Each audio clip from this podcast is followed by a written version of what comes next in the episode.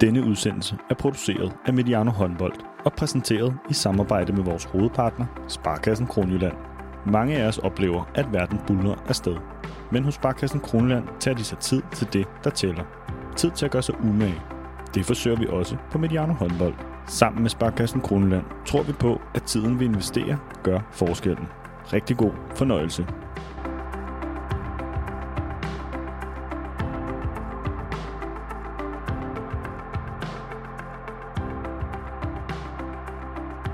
Velkommen til Mediano Håndbold og vores serie om international håndbold med Rasmus Bøjsen. En gang hver måned forsøger vi at tage pulsen på den internationale herrehåndbold. Vi gør det sammen med Rasmus Bøjsen, som titlen antyder. Og vores øh, store opgave, det er altid at begrænse os, for der er så meget at tale om ude i den internationale håndbold. Velkommen til, Rasmus. Mange tak, Thomas. Godt at se dig. Er du i godt julehumør? Ja, det synes jeg. Jeg kan jo også godt sige velkommen til dig. Du har jo fundet en fin adresse her i dag, og vi kan gøre det her på. Så, så også velkommen til dig. Jeg synes, jeg er i godt hu- julehumør. Hvad med dig, Thomas? Jeg kan sige, at jeg lige nu til lytten kan sige, at jeg sidder mellem 8-9 meter fra Rasmus' kontor her i Skjern Bank Arena. Det er faktisk et godt sted at være. Jeg er lige blevet serveret kaffe og te og kage og alt muligt. Det, alle optagelser skulle foregå her. Det er dejligt. det er dejligt. Men vi er meget tæt på jul, og øh, derefter så kommer så vores øh, store julegave, nemlig VM i håndbold i januar.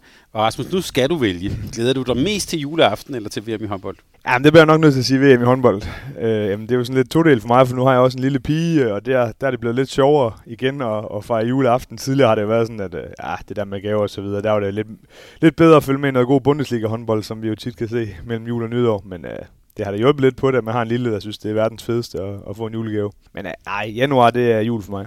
Det er godt. Det er, det er rigtig godt, at, du, at, det, altså, at hun bringer det lidt op. Der er kommet lidt konkurrence. ja, der er kommet lidt tænker i den.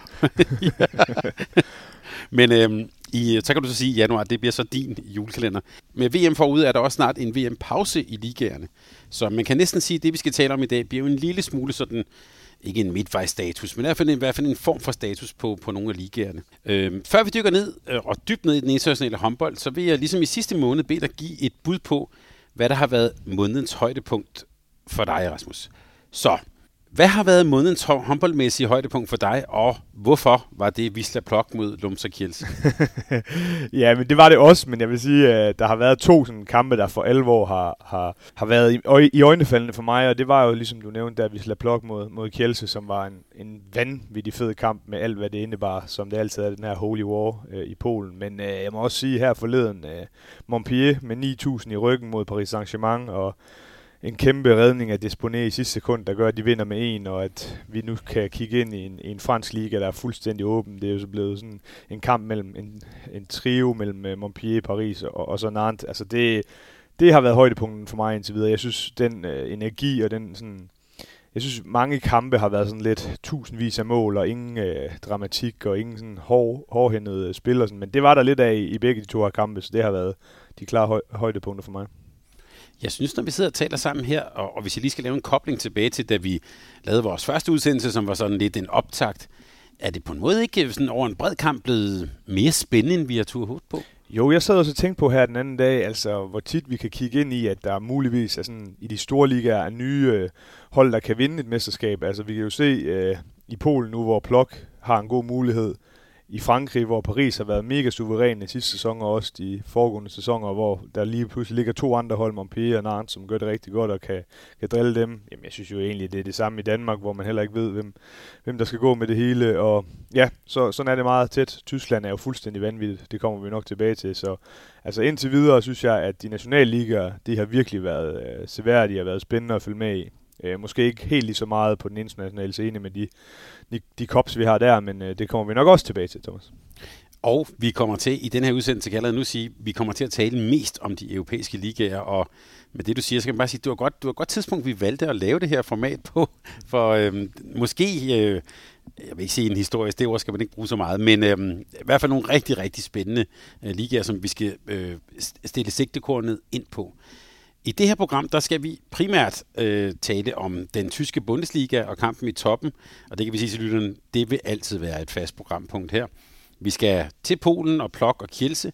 Vi skal tale om den øh, franske liga, og der skal vi også øh, lige bruge et par ord om Morten Vium. Der er også en skjern connection der. Øh, så skal vi tale om den portugisiske liga, Og så skal vi snart lige, øh, bare lige kort vende de europæiske turneringer, som jo går på VM-pause.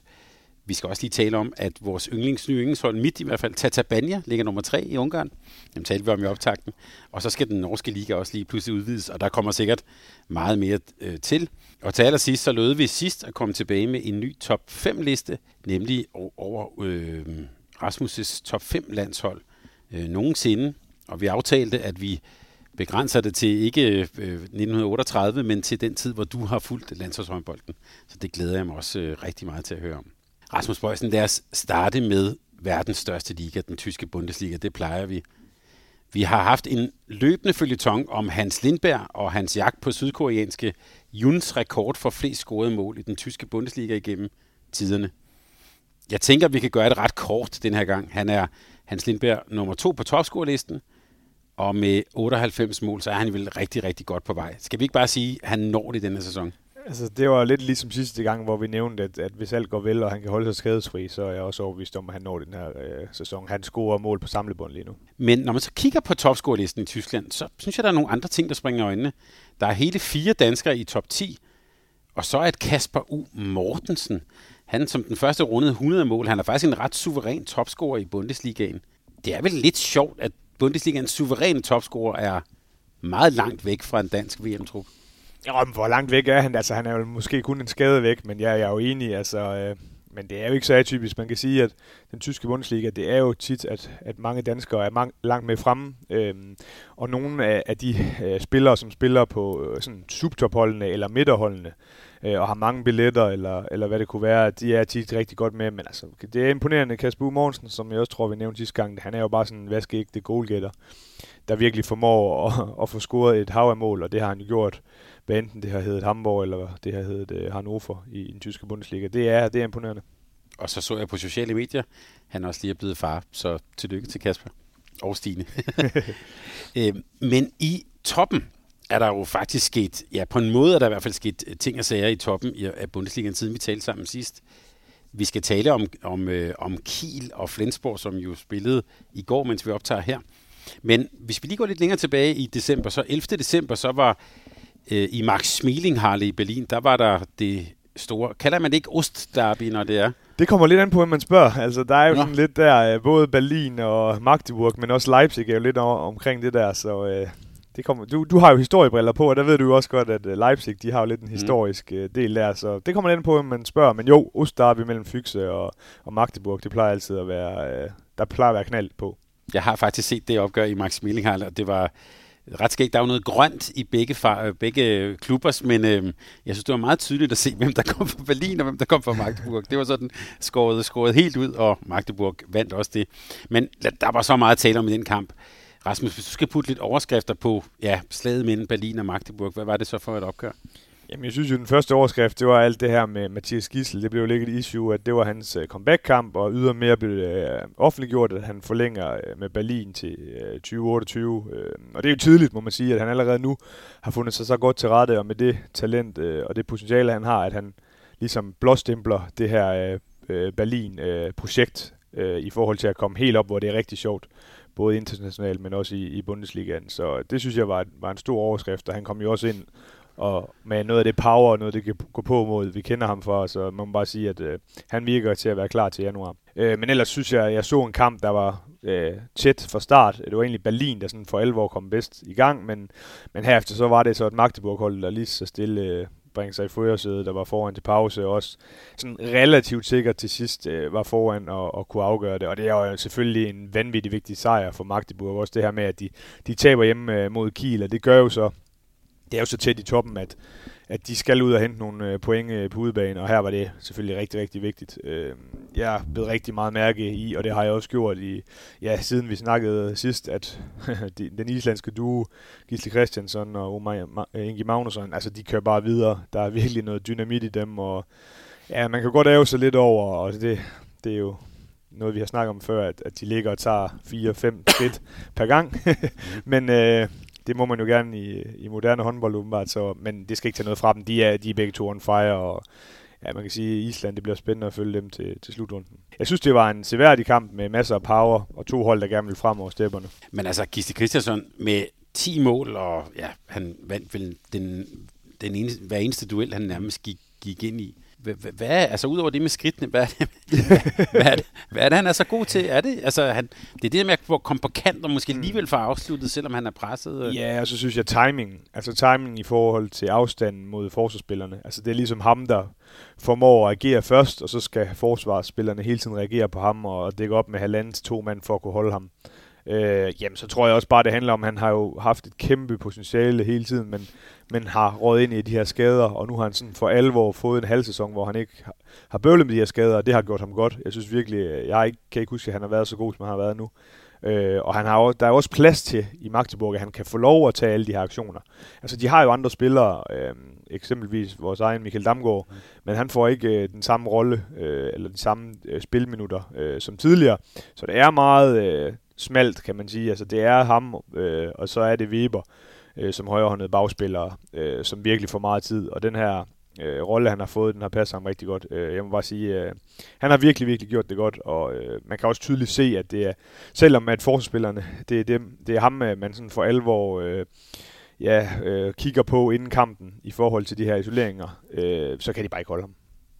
Lad os lige slå, bare, nu nævnte du Michael Damgaard, jeg synes måske, det er færdigt at slå en, et lille slag forbi ham. Øh, skal han simpelthen til at finde sig en ny klub? Jamen det mener han i hvert fald ikke selv jo. Altså, det er jo det, han har udtalt, at han giver det en chance, jeg mener, uden lige at have tjekket op på det. Han har et år mere af sin kontrakt til 2024 med, med Magdeburg, og han har jo, det har virkelig været op og ned for ham. Det var sådan et, et spændende forhold mellem ham og Bennett Wiegert, hvor han nogle gange, øh, nogle sæsoner har været stjernen, nogle sæsoner har været rimelig meget ude i, i kulden. Øh, og altså, det er jo ikke sådan, at han slet ikke spiller, øh, og Magdeburg spiller også rigtig mange kampe eftersom de jo er med i Champions League i år som, som tyske mestre. Så, så der er plads til ham, men altså, jeg tror også, han har brug for en større rolle, hvis han for alvor øh, skal få gang i den. Men, men, men det er også en fed spiller at have for Magdeburg, fordi skulle der komme skade, så er han også bare klar til at gå ind og give den fuld gas. Øh, så, men, men som han også selv har været ude at udtale, han er ikke på det niveau lige nu, som han tidligere har været, og han mangler selvtillid. Så, så jo, altså jeg vil sige, det er da klart, at han skal overveje fremtiden. Ja, for jeg tænker også, at han gav også det her interview til, til Viasat i forbindelse nok, med ja. en eller anden, øh, øh, hvad hedder det, I Champions League. Ja, i GOG, ja. ja. Var det godt? Ja. ja. Men, men der sagde han også det der selvtillid, og det øh, synes jeg var interessant, fordi han er vel en type spiller, som skal spille med selvtillid, altså som tager mange skud, øh, altså hele tiden udfordrer og sådan. Øh, så hvis man ikke har det, så går der vel også utrolig meget fra hans spil i virkeligheden. Ja, det tænker jeg, men, men, men omvendt, altså når han spiller nu her, det er jo ikke sådan, at han ikke tager aktionerne. Altså han ligner jo, jeg, jeg kan godt se, at det, det ikke er en spiller, der er tur i den, men det er i hvert fald heller ikke en spiller, der er bange for stedet at tage aktionerne. Så det er jo der, man, det, det sted, det starter man i hvert fald, men jo, altså, det kan, jeg tror også, det kan hurtigt vinde, altså en, en god øh, øh, januarpause for ham, og, og måske lidt mere tiltro efter en slutrunde, hvor der måske har kommet et par skader, så tror jeg også hurtigt, han kan vinde det igen, fordi vi ved jo, at han relativt hurtigt også kan op, få opbygget den her selvtillid, og så er han jo bare farlig. Og så lige Mathias Gissel, altså at øh, på meget kort tid, øh, det har vi jo set også med Hoxer og andre, altså at de er der, og så laver de faktisk en forlængelse relativt lang tid. Man gætter på, at der også måske har været en eller anden form for lønforholdelse i det, eller han har i hvert fald gjort sig, øh, øh, gjort sig øh, hvad hedder det, fortjent til det. Gør man også det for at sikre sig, at hvis der er nogle andre, der vil købe ham, altså så har vi ham i lang tid? Eller? Ja, det tror jeg da bestemt. Altså, det er jo, man kan jo sige, der er jo både for et øh, spillersynspunkt, og der er for et, øh, et hold eller en klubs synspunkt. Og jeg skal ikke kunne sige, om der kunne være nogle klausuler, og hvordan der var ledes med øh, højere løn og så videre. Men jeg kan i hvert fald se, at i forhold til Fyxe Berlin, så er det jo et statement for dem, øh, at de nu har papir på ham til 2028. Det gør det langt, langt nemmere for dem at tiltrække andre spillere, det er jeg slet ikke i tvivl om.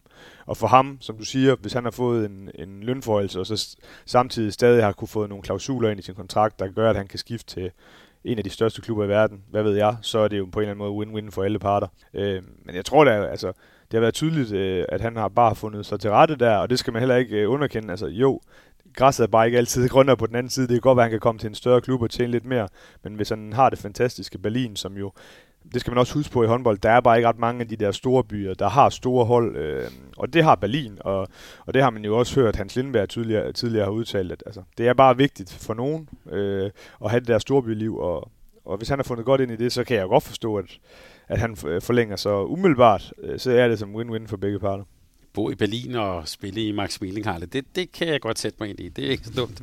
Og der kan man så også møde øh, Bob Hanning og Stefan Kretzmar. Altså, jeg så de to i den der video. Det er, Altså simpelthen nok kæft, de er fantastiske. og så, så så jeg en anden historie, at Stefan Kretschmars søn, han hedder simpelthen Elvis Ernesto, og spiller for, han spiller faktisk for Magdeburg på deres øh, øh, B-jugendhold, tror jeg det hedder. Øhm, ja, det, kan, det kan ikke være meget bedre med, øh, med de to. Men hvor, hvor stiller det Magdeburg øh, og Fyxe Berlin i, hvis vi lige tegner det store billede med topkampen der? Hvordan, Jamen, hvis vi skal kigge lidt på det, så synes jeg egentlig, det er spændende. Sådan, og jeg sad og kiggede og skrev lidt op på, øh, hvor de forskellige hold skal spille henne. Øh, og hvis vi bare skal tage Kiel, så synes jeg stadig, at selvom de taber i Flensborg, som vi måske kommer tilbage til, så ser jeg dem stadig som favoritter, eftersom de både har Berlin, Magdeburg og Flensborg på hjemmebane. Så skal de godt nok til løven. Men altså, det er jo de fem hold, der sådan for alvor... Mm. Øh, ja, jeg vil sige, Flensborg er en underdog, men det er jo de hold, der skal kæmpe om det. Og med sådan en, en, øh, et program for Kiel, så synes jeg stadig, de er favoritter, fordi de er så dygtige hjemme. Magdeburg, de har også nogle, en hjemmekamp øh, mod Berlin selvfølgelig, øh, men de skal jo både til Kiel, og de skal til Løven, og så har de Flensborg hjemme. Øh, så det er sådan lidt igen, de skal ud og, og, og være gode på de her udbaner. Øh, Løven, øh, de har også et, et relativt øh, svært program med, med Berlin på udebane. Blandt andet også sådan en kamp som Melsung ude er også lidt svær. Flensborg ude i aller sidste runde, og så Magdeburg og... Øh, Kiel hjemme. Så dem ser jeg egentlig øh, som et hold, øh, der kan ødelægge det for mange af de andre hold øh, i forhold til at vinde mesterskabet, men jeg ser ikke også øh, kvæg de skader, de har, at de, de skal kæmpe for den her Champions League-plads, men jeg tror, det bliver svært. Men, men, men det er et hold, der kan ødelægge det for mange af de andre. Øh, og så Berlin, øh, som har øh, Magdeburg ude og Kiel ude, Løven hjemme og Flensborg hjemme. Så det er også, det er også et okay svært program. Øh, så, så lige for at, at, at kigge lidt på det, så synes jeg stadig, at Magdeburg er en af favoritterne, men Kiels program, det gør øh, også selvfølgelig, at de begynder at få de spillere, der har været skadet tilbage efter jul, øh, så synes jeg stadig, at de må anses som, som små favoritter. Og når det så er sagt, så kan vi kigge øh, nok så meget på, på de her programmer, hvem skal møde hvem.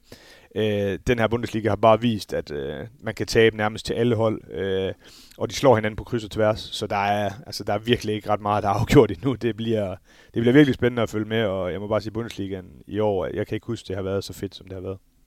Og en, en, en klub, vi har også set, altså Reinika Løven, jeg, jeg skrev her i vores noter, langtidsholdbare spørgsmålstegn. At det kan vi jo bare sige, det har de jo været. Ja, det har de. Altså, de, øh, de er bare dygtige, og altså, det var vi også lidt inde på øh, sidste gang, men Hense har revolutioneret deres spil, og mm. ser stærke ud. Jeg synes, det er virkelig ærgerligt, øh, at Halil Jaganjat er gået i stykker, altså, og de har flere andre skader, der har kostet med et par point. Altså, kunne de have holdt øh, bare nogenlunde øh, skadesfri i forhold til, til nogle af deres bedste spillere, så tror jeg også på, at det kunne have blevet rigtig, rigtig sjovt for dem. Og nu bliver det sådan mere, som jeg nævnte før, et hold, der sådan kan komme til at få kæmpe stor betydning i forhold til, hvem der vinder mesterskabet, men jeg har svært ved at se, at de skulle vinde mesterskabet. Og så lad os øh, slå et slag omkring, øh, ja, det hedder vel stadig Nordderby, gør det ikke det? det har, altså kært barn har mange navne. Nordderby, øh, Landes Derby har jeg også hørt, og så det der Mutter Allas Derbys. Altså, det er også helt, det er også helt magisk, synes jeg. Øh, men ja, lad os slå et slag for det, fordi øh, det blev historisk jo. Altså det var jo en 13-måls, mener jeg, det var 13-måls sejr til, til Flensborg, der er deres største øh, sejr nogensinde i det her 107. derby, de nu har spillet. Øh, altså det var jo, det var jo overraskende. Øh, Flensborg har jo været hårdt ramt øh, af skader, og nu stod de for alvor øh, for første gang øh, med, med samtlige spillere klar. Det gjorde dem godt. Kiel omvendt mangler Erik Johansson, og jeg synes, at man har kunne se på dem, selvom de spillede en god kamp i, i øh, Aalborg, at deres defensiv, den, det har bare været rodet. Øh, det er ligesom om, at det er også svært at se et hierarki, synes jeg. Altså, de har bare rigtig, rigtig mange bagspillere. Og det er sådan lidt på dagen, så er det Billig, så er det Sander, Sargussen, så er det, øh, så er det sågar Sadabic, der kommer ind. Valinius har en lille rolle, men har også spillet øh, et par kampe rigtig godt. Øhm, og så er Reinken jo meget alene på den her højre bak, øh, og han, han fik ikke gang i den sådan for alvor, synes jeg, mod, øh, mod Flensborg. Og så var den store forskel var jo, at Budic i, de Flen, i Flensborgs bur tog langt mere end, end Niklas Landin, som jo har altså vi må bare sige, at han, altså topniveauet er jo stadig Niklas, Niklas Landin, ikke? men han, hans øh, bundniveau har også været lavt. Jeg synes, han har været meget ustabilt øh, spillende i, i den her halvsæson. Øh, så ja, det er virkelig overraskende. Jeg synes også, de, de slog lidt op i banen til sidst, til sidst Kiel, og det, det er altså ikke tit, man ser det i, øh, i sådan et opgør, øh, hvor det normalt er, er liv eller død. Men øh, sådan blev det, og altså en 13 sejr, det er jo ikke, det er jo bare en dårlig øh, måde at gå fra kampen af for Kiel, og, og det er jo ikke sådan, som sagt, det er jo ikke noget, der afgør det, øh, og de har stadig et godt program, men øh, det, er, det er alligevel det er et ris i lakken at, at få sådan en. Ja, jeg har sagt, hvem havde set det komme i et uh, Mutter alle, alle start? Ja, lige nok øhm, vil jeg lige tale om, Kiel var rigtig gode. Vi så, vi så dem jo op til det øh, spil mod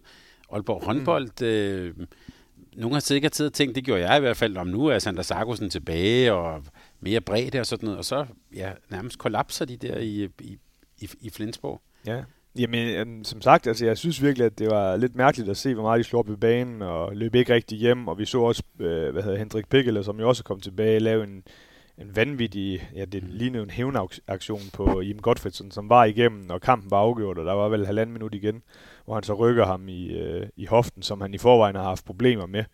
Øh, altså, der var nogle ting, der jeg synes, man ikke rigtig har set. Jeg synes også, der var et par timeouts fra øh, Philip Kiels træner, som også øh, bare præg af lidt, øh, sådan, at han var lidt opgivende. Øh, så ja, det, det lignede, øh, og de spiller, det skal vi også bare huske, de spiller rigtig mange kampe. Øh, så det, altså, off, en off-day, det er jo det er jo noget, man ser, men øh, at det skal være en off-day i, i så vigtigt et opgør mod ærgerivalerne, det, det havde jeg ikke lige set komme.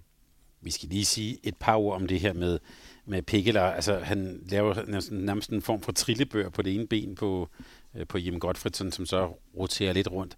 Det er alligevel ret sjældent, vi ser det i håndboldsporten. Øhm, altså, som jo er en hård sport. Nogen vil sige øh, lidt voldelig, men det er sjældent, vi ser den der type ting. Ja, heldigvis. Altså det der, det er jo om, altså igen, øh, han har lige været skadet med noget i, i den dur der, Jim Gottfriedsen... Jeg ved godt, det er ikke sikkert, man lige tænker på det i momentet. Øh, men ja, det må være, have været frustration. Øh, Pikkel er en hård spiller, og det er jo ikke heller ikke første gang, vi har set, at han er gået lidt hårdt til den og har lavet, ja, jeg vil jo kalde det der svinsk, øh, men, øh, men øh, det, det var ikke godt. Altså det, det, heldigvis ser vi ikke ret meget af det. Øh, og ja, det havde jo ikke været ret godt. Man kan også se svenskerne på de sociale medier efterfølgende, både fans og så videre, de var rasende, fordi der ikke er ret lang tid til, de har et øh, VM på hjemmebane, og, og det kunne have været en skade, men jeg kunne, kunne læse efterfølgende, at han var ude og udtale Godfridsson, at, at det skulle være fint, at der var ikke noget at komme efter, og Pickler havde heldigvis været inde i omklædningsrummet efterfølgende og, og undskyldt det her, så det er jo også det håndbold kan, men, men det var en uheldig episode. Men Rasmus, du har du er jo også... Jeg har aldrig gjort sådan noget. Er det det, du skal sige? Nej, jeg vil faktisk sige, at, at øh, sådan som jeg har set dig, du er også en hård hund. Øh, men, men, men jeg tænker mere sådan, håndboldens ethos, det er, at vi kan godt gå hårdt til hinanden. Vi kan også lave hårde taklinger. Og det accepterer vi. Øh, men jeg, jeg, vi har jo lige siddet og set et fodbold-VM, hvor altså, der er ret meget, og så skal man lige op, og bænken skal op og skubbe til de andre og sådan noget. Det ser vi jo i hvert fald meget sjældent i, i, i håndbold. Der er sådan andet ethos omkring den anden måde. Og, altså, øhm, du må godt takle mig rigtig hårdt. Det er helt okay. Men det andet der, det, det, det er sjældent, det sker. Ja.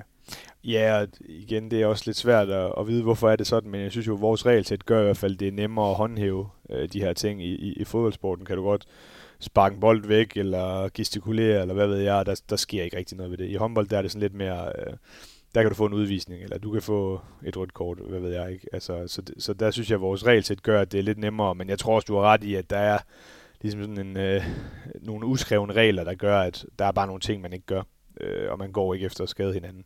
Også fordi håndboldsporten er så hård, så der er rigeligt af, af skader øh, i forvejen, og det er måske også noget, vi kommer ind på efterfølgende, men der har jo desværre de seneste par uger været altså et utal af skader, der gør, at flere af de store profiler desværre ikke bliver klar til en, til en VM-slutrunde.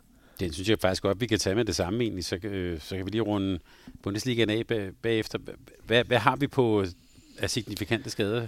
Jamen, vi havde jo øh, øh vi havde jo øh, Barcelona, der fik både Engisan og Langardo ude. Altså Engisan der, kan man jo sige, øh, han har været skadet en hel lille gang og har, har været uheldig ikke at komme med til en del slutrunden efterhånden. Man kan sige, Frankrig har selvfølgelig mange andre dygtige spillere, så, så det skal de nu nok klare. Men en god spiller at mangle, og for Brasilien gør det jo bare ekstra meget ondt at miste en spiller som Langardo, der er deres helt store øh, stjerne sammen med Thiago øh, Pedro dos Santos. Men, men, men det er jo selvfølgelig ærgerligt, og det er kildescenen, så han er ude resten af sæsonen. Øh, det gør bare ondt. Så havde vi jo desværre Trasterson fra, fra mm. Kjelse, den her islandske ja, stjerneskud, som bare har været skadet så sindssygt mange gange, men øh, han blev jo også korsbåndsskadet igen.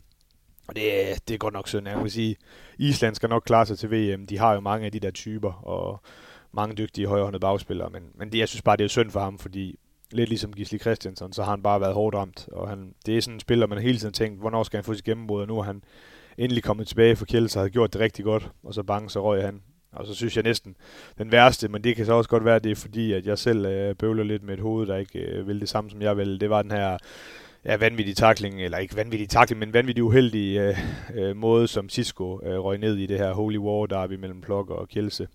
Ja, det venstre bare kan smadre hovedet ned øh, i gulvet og gik ud som lys nærmest, og, og var også ude og spillede ikke resten af kampen, og jeg kunne så læse efterfølgende, har han så taget tilbage og fået nogle undersøgelser, og så efter de undersøgelser har han fået det meget, meget skidt, og så har han røget direkte på, på intensiv afdeling. Og, men alt er godt igen nu, men øh, jeg ved så ikke, om han kommer med til slutrunden.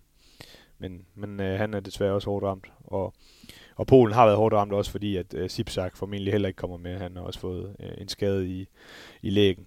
Øh, så ej, der har været alt for mange skader lige nu, og jeg har sikkert glemt nogen. Det er jo det, der er det mest skræmmende af det, at de sidste 14 dage, der har der været rigtig mange.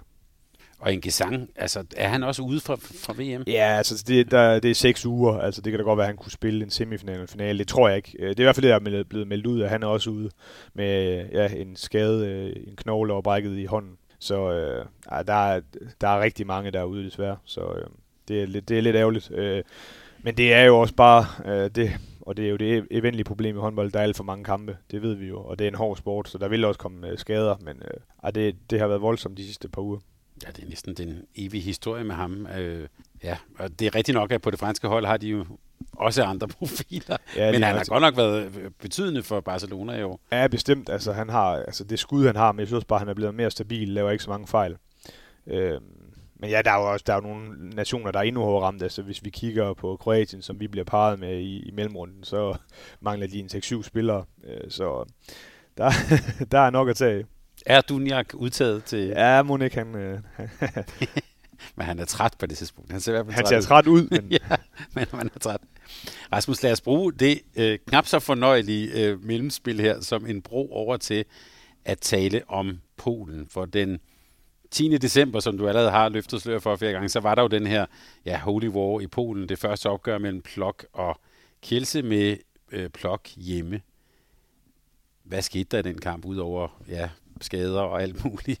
Fortæl om den.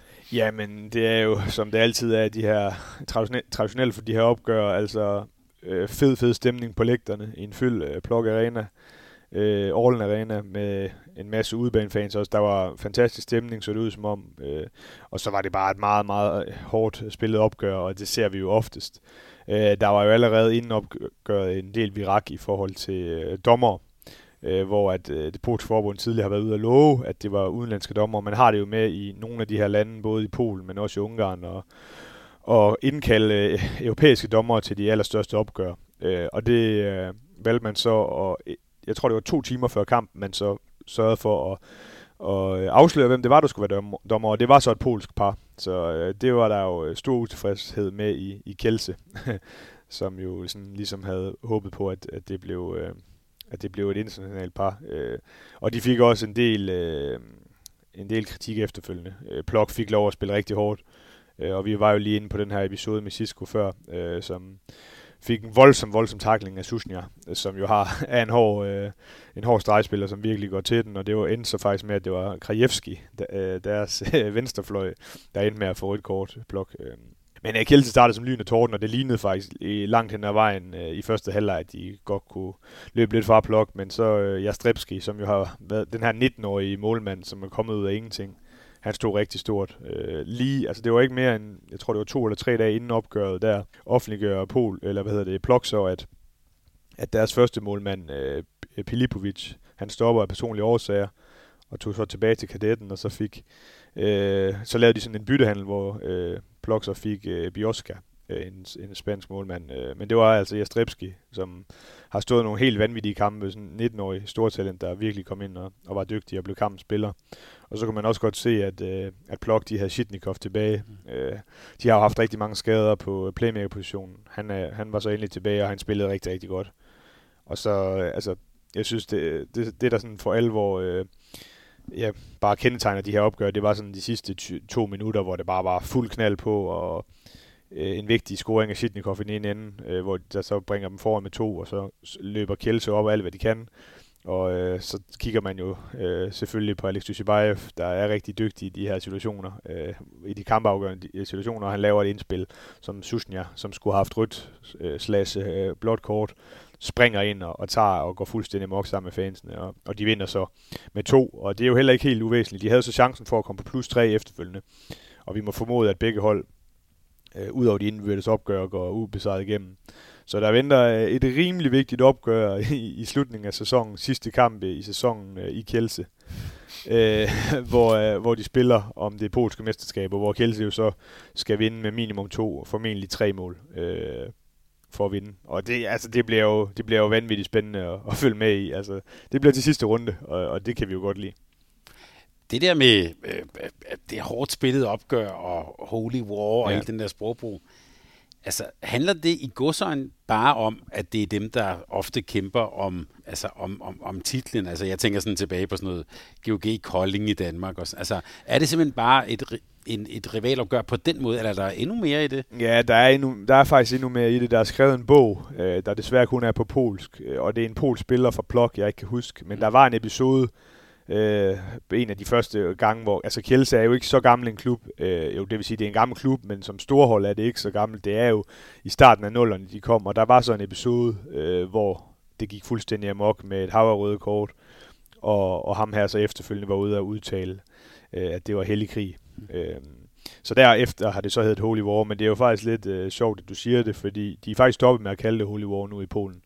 Øh, ja, på grund af de tragiske øh, omstændigheder, der er i Ukraine lige nu, og så har man simpelthen valgt at sige, at nu hedder det bare det polske derby. Men øh, ja, men i hvert fald derfor, at, øh, at det er som det er, at øh, det er, det er mere end bare det her med, at det er de to, der kæmper om mesterskabet. Det er simpelthen, og vi har også set det nogle gange, altså jeg mener, det var sidste sæson, hvor der var en af kampene, den i plok, der, hvor der var øh, 8 eller 9 røde kort. Altså, der bliver virkelig gået til den. Øh, og der bliver ikke, øh, der bliver ikke sparet på gluserne heller ikke, og, og det er også ude på trænerbænken, især Dushibayev, ikke, som, der, som der ikke uh, giver den for lidt. Så øh, altså, det er, altså, man kan jo, det kan man også sige, det er jo, nu snakkede vi om før, at at håndbold langt den er vejen er en gentleman sport, men det er heller ikke, det er heller ikke alle steder, det lige er det. Altså, der, der bliver gået vanvittigt hårdt til den, og det, det, der bliver også ofte gået over stregen i de her kampe. Så det er også sådan, at nu har vi så en spiller, der jeg har været indlagt på intensiv og sådan noget, så næste gang de spiller, så, så, har, så skylder vi lige en der, eller... Ja, det kunne jeg godt forestille mig, og jeg synes det er i hvert fald godt, det kunne være en god idé at få et internationalt dommer, bare ikke fordi jeg, altså, det polske dommer gør det ganske udmærket, men det er bare, jeg synes, det er en god måde at gøre det på. Altså, at man har nogen, der er fuldstændig uvildige og så videre. Og der, altså, det her med, at øh, dommer, uden at gå for meget ind i det, de, de tager jo selvfølgelig også nogle ting med, og har også et forhold til nogle spillere, de har dømt rigtig meget. Det, det er ikke lige så meget tilfældet med et udenlandsdommerpar. Og hvad er egentlig status i, i Kielse? Vi har jo tidligere talt om øh, ja, Bertus øh, Servas, det her, og, og det her med, at de gerne vil bygge hallen ud. Mm. Borgmesteren i byen er så den tidligere topspiller og landstræner Bogdan Venta, som har sat sig lidt imod det. Og sådan, øh, ja, og tidligere cheftræner i, ja, også i Kielse, chef, ja, hvor præcis. han så ikke fik forlænget. Ja. Øh, ja, men, men det seneste er jo, at øh, Dushibaye faktisk efter pressemødet i deres øh, seneste kamp mod, øh, mod Selje, Øh, der har man det her pressemøde, hvor der sidder i Champions League, hvor der sidder to trænere, øh, og så to spillere, en spiller for hvert hold, og de får lige sådan øh, 30 sekunder til lige at sige noget omkring kampen. Og det var fint, det fik de gjort, og så satte Dushibayev sig ned og, og bad samtlige øh, journalister om at blive siddende. Øh, og så begyndte han jo så at fortælle omkring, øh, hvor store problemer der var, og at alle havde ligesom en aktie i at få sørget for, at det her det kunne øh, leve videre. Så det galt også journalisterne, at de måtte gerne skrive noget godt omkring det og situationen. Så altså, det siger også til mig, at, eller siger mig, at det er seriøst den her gang. Øh, altså tidligere har de jo også været rigtig presset, og, og jamen, jeg havde også fornøjelsen af at skrive lidt med Bertus Savas øh, tidligere, hvor han også, lige at det kom ud, at, øh, at Womsa, øh, deres titelsponsor, jo så måtte øh, trække sig at, at det skulle nu nok gå, og de havde indtil februar til at finde øh, en ny stor sponsor. Men ja, det, det siger mig bare, at øh, det er ikke helt godt det her. Og, altså det vil jo være, jeg synes det vil være rigtig, rigtig ærgerligt for formålsporten, hvis det vil betyde, at, at Kjelse de lige pludselig er væk. Øh, så, så de, de prøver virkelig, og han snakkede også direkte til Bogdan Venta, Dushibayev på det her øh, pressemøde, og prøvede at få, for de, de, altså, de ligger ikke en krone lige nu, øh, byen, men de ligger rigtig, rigtig mange penge i deres øh, fodboldhold dernede, corona -kældse. Så, så jeg tror, at de håber rigtig meget på i, i håndboldklubben, at, at, der kommer, at de kan hjælpe dem øh, til at overleve den her gang. Det virker næsten helt demonstrativt, enten at han har sådan en en, ja, en, en gammel grudge, eller at, øh, at man ikke skulle tage ham i og, og hjælpe den sport, han selv kommer fra, eller sådan det, ja, det virker meget demonstrativt, men en evig, det er jo en evig også øh, følgetong med Kiels ja. og Bertus Servas og så videre, så videre. Det må vi ned og besøge, det har vi talt om mange gange, Rasmus, det, det, det står stadig i bogen. Godt, så vi kan sige med Polen, der er også lagt op i kakloven til et kæmpe opgør ved slutningen af sæsonen. Ja, helt vildt. Altså det, og det har jo været, det har det været for vane de seneste par år, hvor Plok, man kan sige, det kommer vi måske også ind på, har skuffet lidt også nu her i Champions League, men man må sige, de, de her hjemmekampe, der har de været rigtig dygtige til at slå Kjelse. Øh, så øh, alt er åbent ind til den sidste kamp, og, og det er jo i hvert fald fedt, synes jeg, at, at, øh, at det er helt ind til sidste runde. Øh, og det er i hvert fald en kamp, man bør se. så, så flyver vi lige et øjeblik videre til Frankrig, som vi også plejer at være omkring. Og denne gang skal vi tale lidt om øh, Morten Vium, som jo er på vej hjem øh, til den danske liga.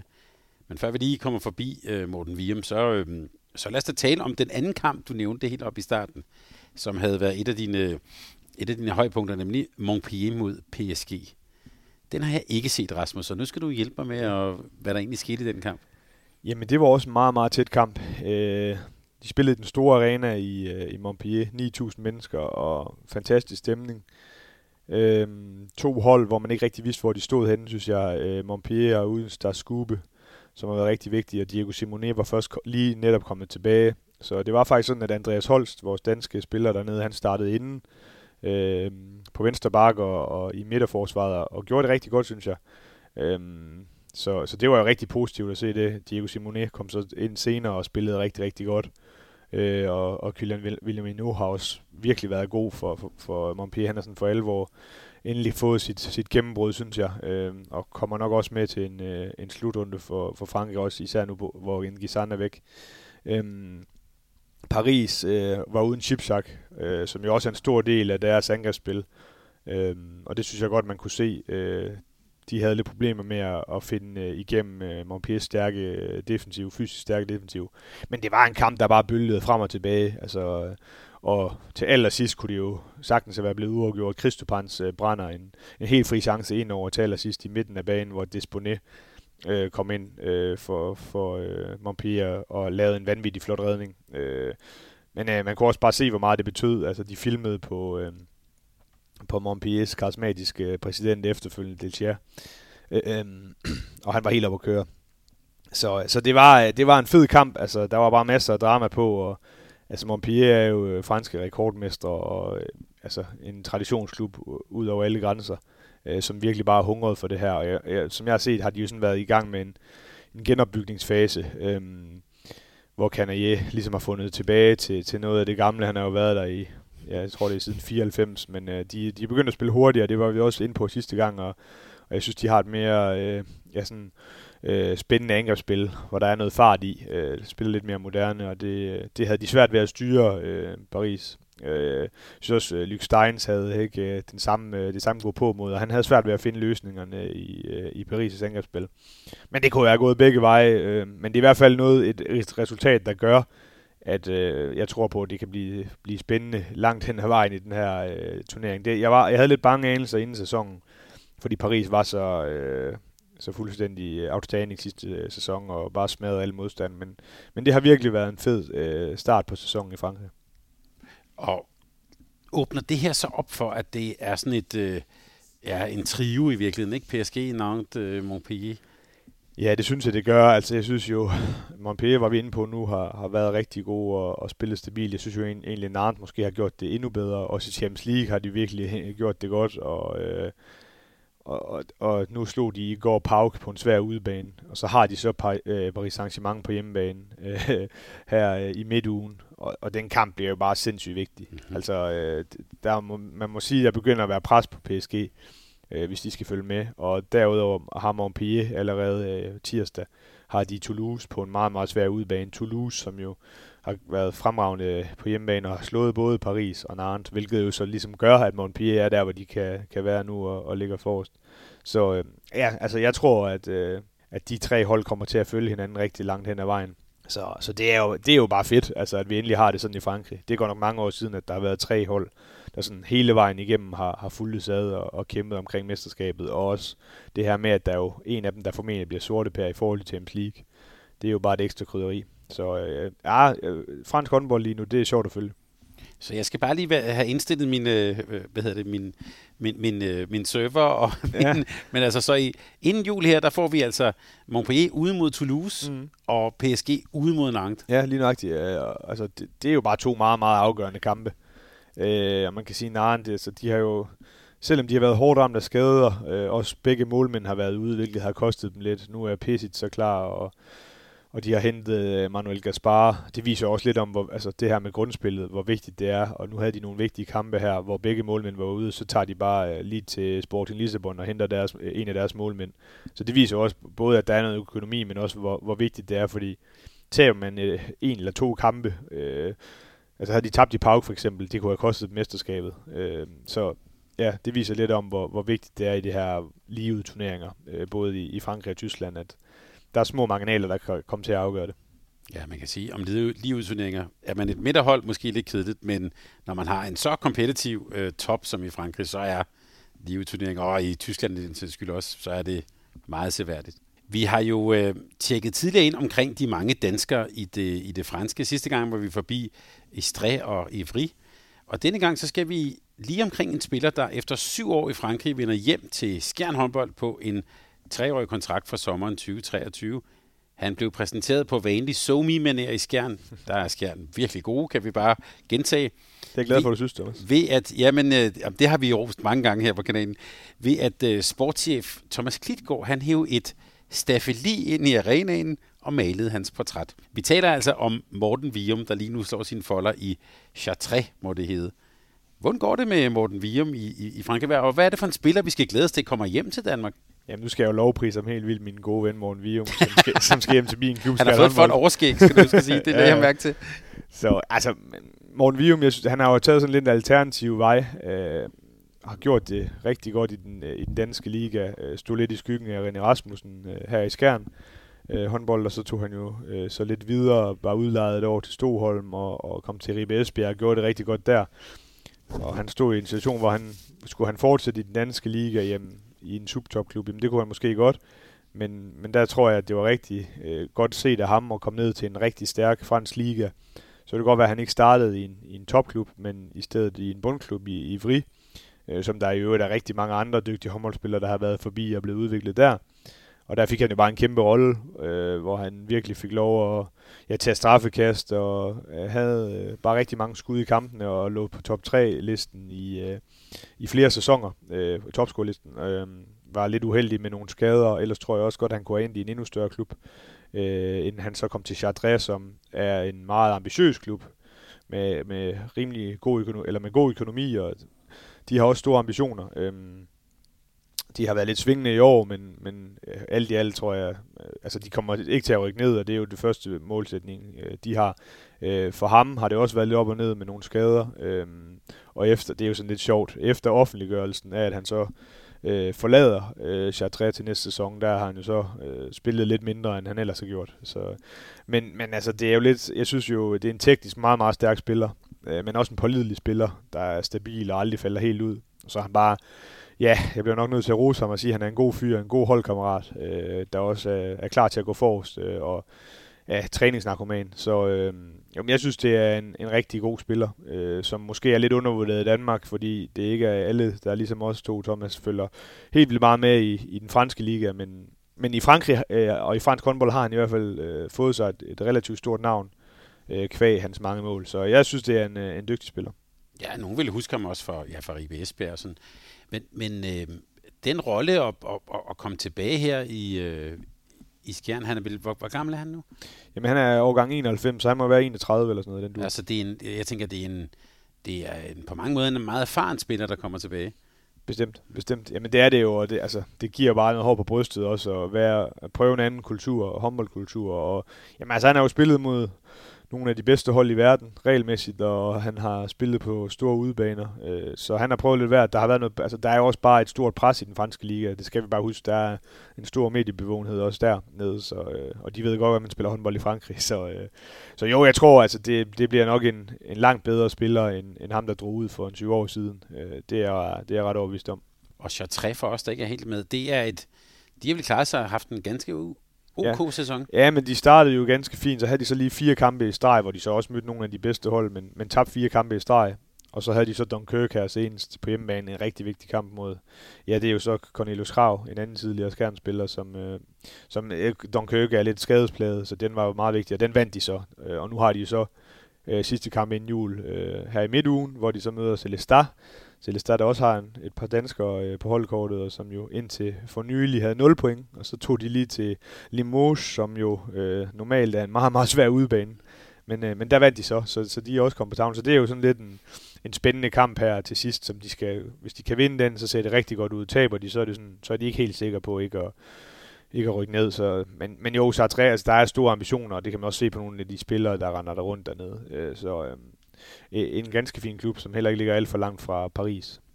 Cornelius Krav, for han, øh, for han spilletid? Han så? spiller vanvittigt meget lige nu, ja. fordi de har rigtig mange skader i Dunkirk og, og scorer mange mål. Så meget har jeg ikke lige fået set Dunkirk her øh, se, se, siden sidst vi spillede, men, øh, men det er i hvert fald godt at se, at en spiller, der for første gang kommer til udlandet, får så stor en rolle øh, tidligt og, ja, og, og virkelig får, får scoret en hel del mål i den franske liga. Det tegner jo godt. Jeg kan også forstå, at den tidligere GOG-spiller Josef Pujol også er... Øh, han er også skadet, ja. Det var akillescenen, tror ja, jeg. Ja, resten ja. nemlig. Godt. En spiller, der desværre også er skadet, skal vi lige omkring nu, nemlig, for nu rykker vi til Portugal. Hvordan går det med Jonas Tidemand? Jamen, han er i gang med sin genoptræning. øh, ja, og i gang med at prøve at finde ud af, hvad han skal til næste sæson. Han har jo kontraktudløb, så, så det bliver også lidt spændende at følge. Så, men øh, jamen, han skal vel hjem nu her en gang til jul, har jeg hørt lidt om, og, og spise noget god mad og hygge sig. Så øh, jeg tror at han har det ganske okay, øh, på trods af omstændighederne. Det er godt. Vi bekymrer os jo meget om dit velbefindende, Jonas, så, øh, og så glæder vi os øvrigt også til at se dig på en håndboldbane igen. Men i Portugal, der handler det selvfølgelig om Sporting, Benfica og øh, Porto. Og da vi talte sammen sidst, talte vi om, at nu havde Porto en lille smule sådan øh, kniven på struben. Så øh, slog de Benfica og spillede udgjort med Sporting Lissabon, og ja, de har faktisk ja, det, også... Ja, det gjorde Porto, ikke? Altså, det, ja. Ja, Porto, ja. ja øh, og de har faktisk også fået øh, lidt, øh, lidt vil jeg sige, nogle succesoplevelser i Champions League, i hvert fald i forhold til, hvordan de lagde ud.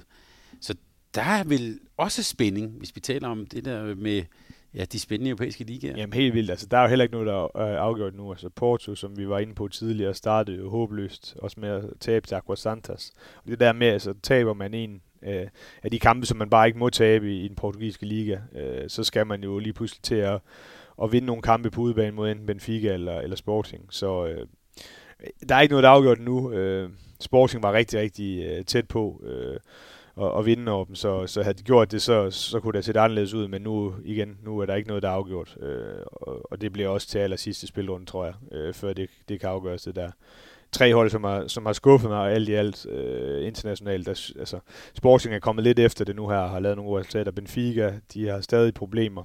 Øh, og, og Porto er også igen kommet lidt bedre med, har der trods alt fået et point, men ja, altså de, det, det må være skuffende med det budget, de har, og med de spillere, de trods alt har, at, at de ikke er i nærheden af at komme videre øh, fra, fra Champions League. Sporting Lissabon har du jo set på meget tæt hold her med Skjern håndbold. Mm. Ja, hvad, sådan helt ordentligt, hvad er din vurdering af dem? Det vurdering er, at individuelt, der har de høj, høj klasse. Altså, Kostabrødrene kender de fleste efterhånden. Øh, individuelt meget, meget skarpe. Øh, jeg vil sige, defensivt øh, er det også et, altså det er et hold, der er ganske udmærket defensivt, men det er der, jeg ser, at de er svagest. Altså, og det er jo også kvæg nogle skader, blandt andet Jonas Tidemand, som jo var vigtig for deres midterforsvar. Øhm, men, men igen, øh, det er individuelt meget, meget stærkt, og på dagen, øh, når deres øh, allerbedste spillere, Kostebrødrene, Salvador, øh, Salvador og, og så videre, de rammer, rammer top, så er, det, så er det meget, meget svært at have med dem at gøre så har de jo en god målmand i, i Martial, som spillede i Barcelona sidste år. Øh, og, og han har også øh, haft opadgående kurve nu her. Nu har de jo netop spillet Supercup i det, her nye øh, iberiske Supercup. Øhm, og der stod han også øh, rigtig godt øh, i et par kampene. Så øh, ja, jeg, jeg synes, det er et godt hold, øh, men jeg synes, at det virker som om, at de stadig var en lille smule skarpere i sidste sæson. Men som du så dem her i, i, i skærmen, så sådan var var det lidt skuffende af Skjern, eller, eller hvordan? Altså, øh... Jamen, man vil altid gerne vinde sine hjemmekampe i Europacup. Jeg synes ikke, det var skuffende. Øh, jeg så et, en kamp, der sådan øh, bølgede lidt frem og tilbage, øh, og det er jo det er jo lidt ærgerligt, når man, man har forudsætningerne for at komme foran med 4-5 stykker, men, men så mister momentum. Men man må også bare sige, at de havde nogle individuelle spillere i den kamp, der, der gjorde det svært. Altså Martin Costa, Vensterbakken, øh, jeg tror han lavede 10 mål, og altså, han var bare roden til alt ondt for Skærens forsvarsspil. Og i den anden ende skiftede man Manuel Gaspar, som jeg nævnte tidligere, som er skiftet til Narn. Ham skiftede man ind. Øh, og han tog bare det hele. Altså tog øh, 8-9 oplagte chancer. Og så er det bare svært at vinde. Øh, men altså, vi, øh, det var en af de kampe, man rigtig gerne ville vinde. Og, og så kom man derned og, og var også med i langt hen ad vejen. Men, øh, men, men det, var, det var heller ikke nok. Så øh, altså, vi, vi skulle have haft lidt flere point, end vi har nu i, i, i det europæiske spil. Men vi, vi kan stadig afgøre rigtig meget, meget af tingene selv. Og hvis du har sagt til mig inden øh, sæsonen, at vi til juletid nærmest var sikre på at gå videre for gruppen, så har jeg selvfølgelig også været glad. Så, øh, men nej, altså skuffende, det synes jeg ikke, det var, men, men ærgerligt var det. Rasmus, øh, vi er jo, som jeg indledte med at sige, så småt på vej mod en VN-pause. så lad os lige øh, lave sådan en, tage sådan en stor sniskraber og bare lige skrabe op og nogle, nogle, nogle, nogle, nogle andre ting. Som sagt, Tatabania nummer tre i Ungarn, det er jo en vigtig ting. Ja, det, det synes du jo, det er. ja, de, de havde faktisk, hvis vi går ind på dem, en lidt skuffende uafgjort, de nikker, der gør, at nu, nu kan jeg ikke se dem. Altså, nu bliver de nummer tre. Nu, nu kommer de ikke op og kæmper om at komme i finalen. Det tror jeg ikke, at de er skuffet over, men jeg tror, de er ærgerlige over det, fordi de var godt med i sækket, og, og, og der skulle ikke have været så meget til, før de kunne have fået med nu der, noget med der, men nu har de sådan lidt udspillet deres rolle i forhold til det. Men et stærkt hold, som jo stadig kan have fuld øh, fokus på den ungarske liga, i og med at de for mange år, øh, for første gang i mange år ikke er med i Europa. Og hvordan er der egentlig nyt fra, fra Sækket omkring hele trænersituationen næste sæson? Nej, ikke andet end der er masser af rygter, og at øh, Pastor, han, øh, han skal væk. Øh, mm. Mere er der vel ikke at, at sige lige nu, men øh, altså, der går en, en masse rygter. Øh, så nu må vi se, hvad det ender med. Det bliver jo spændende at følge i hvert fald. Så kunne jeg også læse mig til en, en stor sag, i hvert fald i Norge, at midt i sæsonen, det troede jeg kun var noget, man gjorde i Danmark, kun i håndboldagtigt, øh, udvider sæsonen, eller ligaen fra 12 til 14 hold. Hmm. Ja. Jamen altså, min første tanke var, øh, om det var seriøst, at de mente, de godt kunne øh, ændre øh, sådan, øh, altså midt i en sæson kunne mm. lige pludselig sige, at så var det fra 12 til 14 hold, og nu er der lige pludselig ikke nogen, der rykker direkte ned. Øh, altså, det gør jo i hvert fald så, at nu har de jo slutspil med 8 hold, men, men resten, altså fra 10 og nedad, de har jo reelt set ikke så meget at spille for længere. Øh, det åbner i hvert fald også øh, den øh, norske første division fuldstændig, hvor der lige pludselig er to, der rykker op. Fordi før var der kun en, der rykkede op, og, og det ene hold er langt, langt foran øh, de andre. Nå, men øh, jeg synes i hvert fald, det er, og kommunikationen har ikke været ret god. Jeg synes, det er det der det, det mærkelige, at det, jeg kan forstå på nogle af mine norske venner, at der ikke rigtig har, har været noget kommunikation omkring det. Øh, jeg synes ikke, at det giver mening, at man kan ændre forudsætningerne for en sæson. Øh, eller for næste sæson, midt i, i den nuværende sæson. Så nej, det synes jeg var lidt uheldigt. Det kan godt være, det kun er i håndbold, men det var i hvert fald ikke ret godt. Du bruger ikke det hashtag mere, der så meget, det er kun i håndbold. nej, det, det, det, gør jeg egentlig heller ikke, fordi der, jeg har fundet ud af, at der er mange sportsgrene, hvor, det, hvor der også sker mange mærkelige ting. men det er, det er Kolstad, der tager den i, i Norge. Det er dem, der tager serien, mm. men man kan sige, at i et slutspil, der tror jeg, der er rigtig mange ting, der kan ske. Altså, jeg synes, øh, Elverum har vist, øh, at når de rammer deres topniveau, så kan de jo spille op med nogle af de bedste hold i Europa. Det er klart, at det er en streg regning for dem, at de to øh, månen er, er gået ud for resten af sæsonen med perso- af personlige årsager. Det er jo deres klart øh, mest profilerede højreback, så der står de med to meget unge spillere, som jo egentlig har gjort det rigtig godt, men, men jeg kan godt se i, i, i et slutspil, hvor Elverum rammer øh, topniveauet, så tror jeg, at Koldstad kan få det svært med dem. Men, men de favoritter, Koldstad, de har været rigtig stabile. Så lad os lige øh, give et par ord til de europæiske turneringer, og jeg synes, det er fair, at vi lige siger lidt om Zagreb. Ja, de har vundet kampe, og de har fået en ny træner for, ja, det er vel den nummer, træner nummer 25 på to år. ja. Ej, nu overdriver jeg ja. næsten. Ja, men det er jo legendariske Slavko mm. Golusa, der er tilbage der. Han har jo, han har jo virkelig fået sat noget temperament ind i det. Altså, det, det, jeg har set, det er jo, at de lige pludselig har, ja, har fået styr på rollerne, og Stefan Dodic, den her unge øh, serbiske stortalent, han, øh, som er udlejet for Kielse, han har virkelig fået en stor rolle lige pludselig. Det havde han ikke i starten, øh, og det har han gjort godt. Øh, imponerende. Altså, de har fået øh, stabiliseret deres defensiv. øh, fået, som jeg kan se det, øh, øh, puttet mere fokus på deres kontraspil, øh, og så har spillet med få fejl offensivt, og det har, det har båret dem langt. Øh, de har været, jeg ved ikke om de har været heldige, men de har i hvert fald ramt nogle af de andre hold på tidspunkter, hvor de har haft nogle skader, og det har de øh, kapituleret, på, øh, kapituleret på, og så må man sige, at de har gjort det godt. Ellers nogen, øh, noget, vi skal bemærke for Champions League, inden vi går på VM-pause? Nej, men altså, jeg, jeg har jo også øh, brugt lidt tid på at sige, at jeg har været skuffet over Bukaresti, Dynamo. Øh, jeg synes, de har fundet lidt melodien, og det kan godt være, at det har noget at gøre med, at Pascual, øh, så er vi Pascual, deres øh, spanske træner, som jo har været rygtet til Paris Saint-Germain, han så alligevel valgte at forlænge. Øh, om det har givet noget ro på det, det skal jeg kunne sige, men jeg synes i hvert fald, at de spiller med en lidt øh, mindre fejlmargin. Øh, de har lavet rigtig mange fejl i starten af Champions League, men, øh, men det er blevet bedre. Øh, så det er jo egentlig positivt, synes jeg at se. Selvfølgelig er det lidt ærgerligt øh, for danske, med danske briller på i forhold til GOG. Men øh, altså jeg kan godt se, at Dynamo også kvæg deres rigtig, rigtig stærke hjemmebane, at det er sådan et hold, hvor man tænker sådan lidt, at de godt kan blive farlige. Og det var vist også det, jeg var inde på i starten af sæsonen, at, at hvis de sådan rammer øh, en, en toppræstation på hjemmebane med, med, de, med det publikum, de har bag sig, og med den hårdhed, de ofte får lov til at spille med på hjemmebane, så, så er det et af de hold, der godt kan drille nogle af de rigtig store hold. Så, så det har været positivt øh, at se på dem. Negativt, der blev jeg også nok nødt til at nævne Aalborg øh, håndbold, som gjorde det så flot sidste sæson, hvor de var ubesejret på hjemmebane. Den hjemmebane er ikke helt lige så stærk længere, må man bare sige. Og, altså en 6. plads, øh, altså det havde jeg ikke regnet med. Øh, i gruppe B, men det, altså Barca og Kielse, fair nok, de er klart stærkest, men, men de andre hold, der havde regnet med, at de har været tættere på, end de er lige nu. Øhm, så, så det har været lidt skuffende, synes jeg. Ja, der er selvfølgelig også lidt, så vidt jeg husker det, med, med spilleprogrammet. Altså, at de jo, har haft, bestemt. Øh... Jo, bestemt. Men altså igen, som vi nævnt, altså hjemmebane sidste år, der var de ubesejret. Øh, nu øh, har de, jeg tror, de har tabt, er det tre eller fire kampe på hjemmebane allerede øh, på nuværende tidspunkt. Jeg tror, at de kommer til at ende fire eller fem. Øh, jeg tror på, at de overhaler sækket, men, men jeg synes stadig, at det, det gør jo bare, at de får en svær vej til Final Four. Øh, Ja, det kan jo ovenikøbet blive et dansk opgør med GOG. Ja. Det er jo ikke, det er jo ikke helt uh, farfetched, at det bliver sådan. Ja, det vil også være lidt historisk. Øh, altså, jeg synes jo, det vil være ærgerligt. Altså, mm. de internationale, internationale turneringer, der vil man jo gerne se de danske hold øh, krydse klinger mod nogle af de stærke hold fra andre ligaer. Men, øh, men omvendt, så får vi i hvert fald et hold i kvartfinalen, hvis det skulle ske. Et andet dansk hold, som jeg synes, at vi skal sende lidt nogle roser imod det, må vel være Skanderborg Aarhus. Ja. Altså, flot indsats. Øh, altså, man kan sige, de vandt ikke over Fyse Berlin, men de var delt med tæt på. Ja. Jamen det, jeg, jeg synes, det er rigtig, rigtig flot. Altså, man, kan hurtigt, man kan hurtigt gå ind og kigge på, at nogle af de andre hold har dit og dat, men man må bare sige, at de har gjort deres, deres ting og har virkelig spillet flot, og som du selv nævner, øh, spillet øh, en rigtig flot kamp, især hjemme mod, mod et rigtig, rigtig godt hold, som Fyse Berlin. Øh, det er imponerende også, fordi at mange af deres spillere ikke har så stor erfaring med europæiske turneringer. Så når man går ned for eksempel øh, på en svær udebane i Nordmakedonien i Bitola mod Pellister, øh, og vinder der øh, rimelig klart, så, øh, så må man bare tage hatten af. Man bliver jo nødt til at nævne Thomas Arnoldsen. Altså det han render og laver, øh, både internationalt, men også i den danske liga lige nu, det øh, for en spiller på hans alder, der er det, det er ikke ret mange øh, gange, man ser det.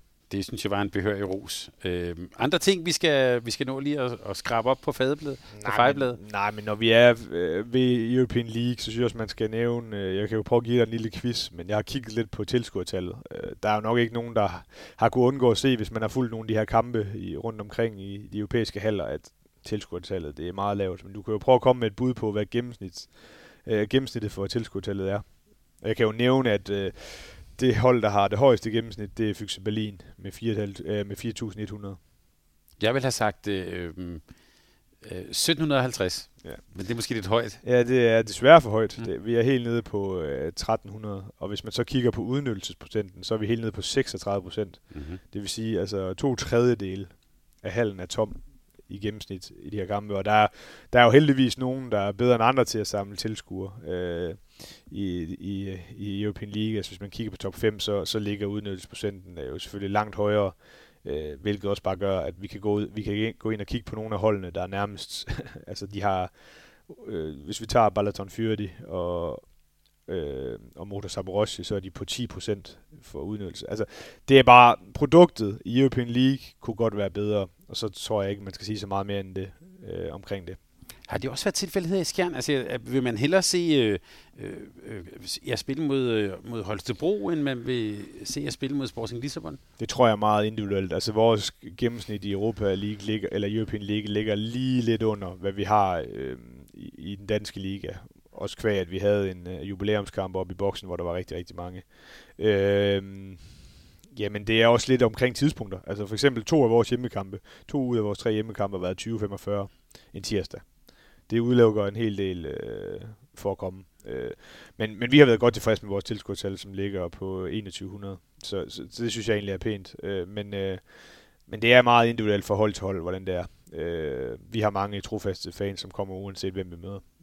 Men der er, nu når du lige nævner Holstebro, så er det måske også det, det hold, som der er allerfleste gerne vil Ej, jeg skulle måske have sagt, øh, øh, jeg skulle måske have sagt Nordsjælland, eller ja, godt. Men dem, der så kommer 2045, det er også dem, der, altså de vil gerne til håndbold. Ja, øh, lige nok det. Og, og, og glæder sig til det. Rasmus, her til sidst, så øh, gav jeg dig jo sidste gang en lille lektie for, nemlig at forberede din top 5 over de største landshold øh, nogensinde. Jeg lagde selv øh, min, det blev faktisk en top 10. Jeg kunne slet ikke begrænse mig på nogen måde øh, i den her øh, serie, vi producerede med VM-historien over, over tre dele. Den kan lytterne finde i vores feed. Så det vi skal nu, det er, at vi skal høre din top 10, og så kan vi jo eventuelt diskutere nogle af holdene. Og mens vi gør det, så kan man sige, det underliggende formål, det er jo simpelthen bare, at vi skal glæde os til, til VM. Jeg kunne måske lige starte med at sige, øh, hvordan ser du egentlig på det danske hold? Tager vi den for tredje gang i træk? Jamen altså, det korte svar er, at det tror jeg ikke, vi gør. Øh, altså, vi har jo et fantastisk hold med et utal af fantastiske spillere rundt omkring i de bedste klubber i verden, men jeg øh, synes bare, man kan se, at nogle af, de, af vores vigtigste spillere kommer bare ikke ind til slutrunden øh, på bedst mulige måde. Øh, Lauke har haft problemer, øh, og er så heldigvis kommet tilbage nu.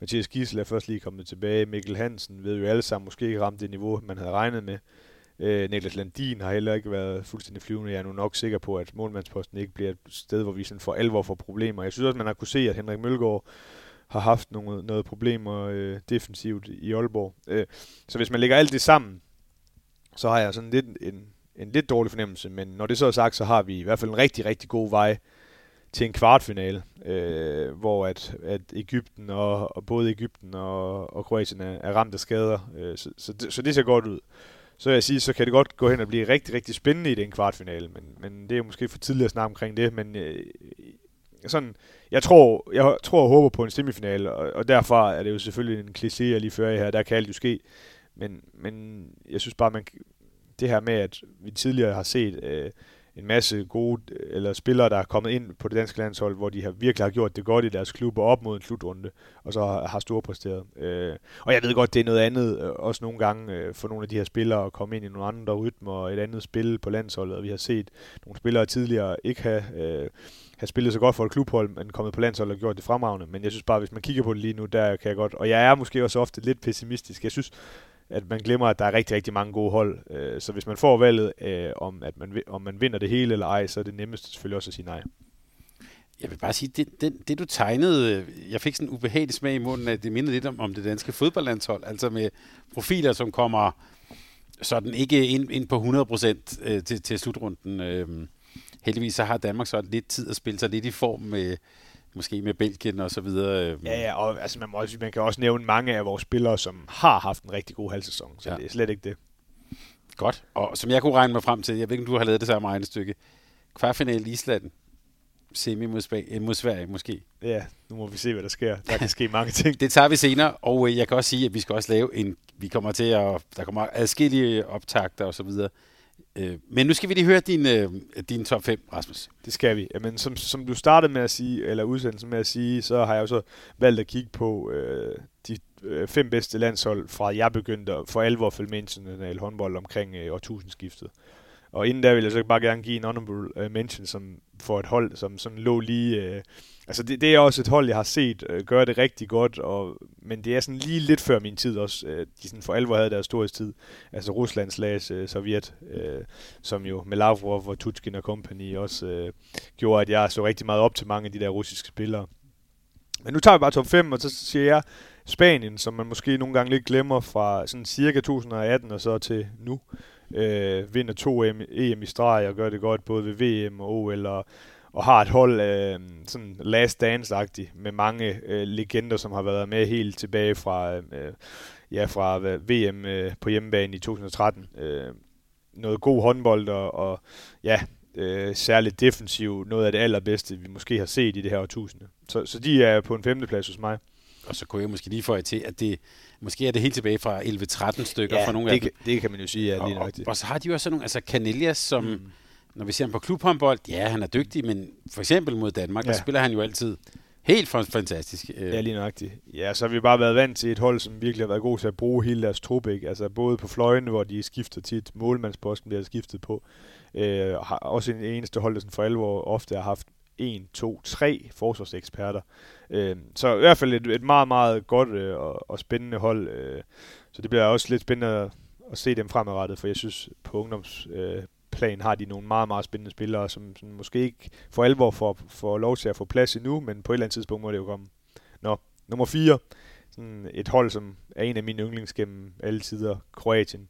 2003 til 2009. Altså, Jamen, jeg nævner jo bare i flæng, bare lidt Medlicic, Laskovic, und så videre, ikke? Altså, der er jo, det var bare et fedt hold, som også vandt nogle af de allerstørste ting, øh, og sådan, sådan kom lidt ud af ingenting, efter nogle dårlige resultater i, i starten af nullerne, og så kom de bare lige pludselig øh, med det her fantastiske hold, hvor der bare var, altså Balic, der ligesom revolutionerede måden, man spillede håndbold på. Øh, og de kunne måske godt have også have været højere op, det skal jeg ikke kunne sige, men øh, ja, jeg synes i hvert fald seværdighedsmæssigt var, var det virkelig spændende at kigge på dem. Det jeg sige til lytterne. Jeg sidder bare og smiler. Mm. Det slog mig faktisk, da jeg øh, øh, øh, lyttede øh, serien igennem der. Jeg nævnte ikke Vlado Sola på mål. Øh, med det lille hår, eller hvad ja. pokker det hår ja. nu var. Altså, det er også en typisk spiller, som i klubhåndbolden, måske ikke så, men altså på landsholdet, mm. der var han fandme god for det. Ja, ja, på sin bedste dag, altså der, der var ikke mange, der slog det. Og så har jeg, øh, så har jeg Sverige.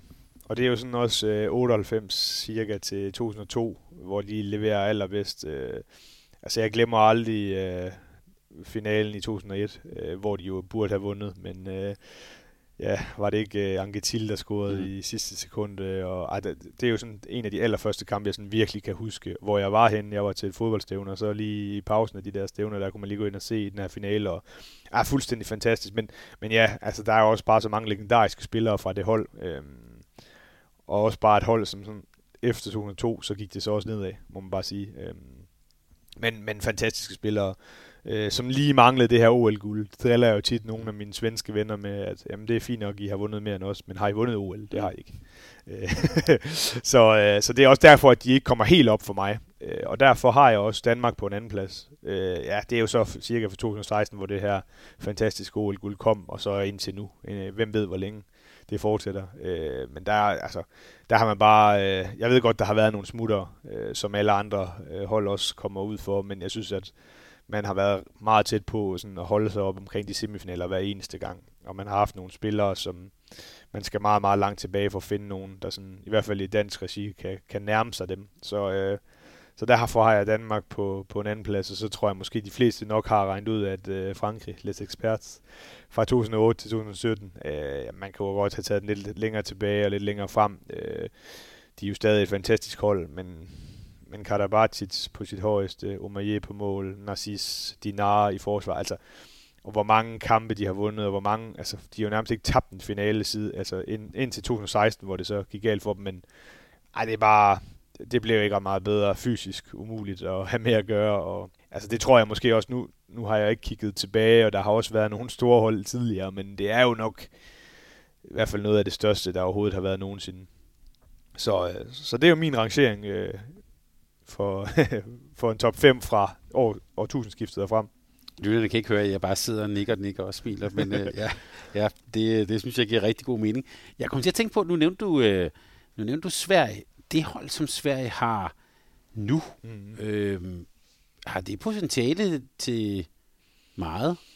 Jamen det har det jo på en eller anden måde. Ja, måske, måske også bare fordi, jeg synes, der er sådan lidt liv på steg over det. Altså, mm. der er ikke, det er ikke så seværdigt. Det er det måske, men det er bare, de mangler, de mangler sådan lidt af det der lækre fra, fra starten af nullerne, synes jeg. De har nogle fantastiske spillere, men, øh, øh, og de har jo også nogle unge spillere, der er virkelig på vej frem, men, men jeg kunne for eksempel godt savne som en som Andreas Nielsen, der jo er blevet valgt fra, mm fordi at man ikke mener, at han har de her defensive kvaliteter, der skal til. Men jeg synes, han har noget af det der x-faktor, som jeg jo godt kunne, kunne mangle lidt ved det, til der lidt kedelige svenskere, vores svenske naboer, der ikke sådan for alvor tør og går nogle grænser og træder udenfor. Der, der savner jeg lidt. Jeg, jeg ved godt, Palika, han har det også, og, sådan, og Appelgren på mål, men, men målmænd er jo altid lidt vilde. Men, men jeg synes, jeg mangler lidt det der. Men i forhold til at levere resultater, så har de jo i hvert fald virkelig et potentiale, og de har jo allerede nu begyndt at lave nogle, nogle rigtig store resultater. Dog tror jeg bare, at som jeg ser det, så er det svært. Jeg, jeg får svært ved at se de næste par år, altså virkelig et hold, der bare tager rup og stup, som Frankrig jo gjorde. Eller, eller, eller Sverige gjorde, øh, og så videre. Ikke? Så, så, men, men jeg synes, at de i hvert fald øh, de har et meget, meget homogent hold. Det har det virkelig. Men sådan lidt for meget ham på Svarne og Jonathan Karlsborg. Altså, øhm, dygtige, det kan vi slet ikke sige, men det er måske ikke sådan, at personligheden bare oser ud af Nej, altså man, man glemmer jo selvfølgelig aldrig Jim og hans uh, timeout. det, det kunne selvfølgelig noget, det var fedt. Uh, men, men nej, altså, der, der mangler lige lidt, uh, lidt vildskab, synes jeg. For hele dit jævla liv. ja, præcis. jeg kan slet ikke tale undskyld til lytterne. Tak for det, Rasmus. Øh, er du med på, at vi inden VM laver en holdet DK optag, som vi plejer? Ja, det synes jeg lyder som en rigtig god idé. Det plejer at være rigtig godt. Og så skal du for lytterne også dykke ned i, hvem vi skal have med fra Belgiens hold. Det glæder jeg mig meget til. til næste gang, hvor vi optager de her øh, format i national håndbold, så vil jeg give dig en, en ny opgave, det plejer du at få. Og det er, jeg kunne faktisk godt tænke mig, at du udpeger en top 5 over de største talenter i europæisk håndbold. Og det, de skal være født i det her årtusind, altså fra årgang 00 og op. Og der er måske også en svensker, du har med der. Øhm, det, det, det får vi at se. øhm, men, øh, men det er opgaven. Så kan vi tale om nogle af de spillere, som er på vej op på det, du lige har været inde på. Rasmus, tak fordi vi måtte komme og besøge dig her. Selv tak, det var altid hyggeligt. Det, det var en fornøjelse, og der skete bare det, som der plejer at ske. Jeg glæder mig til at få set noget håndbold, og ikke mindst også til, til VM. Og der er også bare at sige tak til Sparkassen Kronland for at gøre alt det her muligt. God jul til dig, Rasmus. Lige måde. Og god jul til alle jer øh, derude.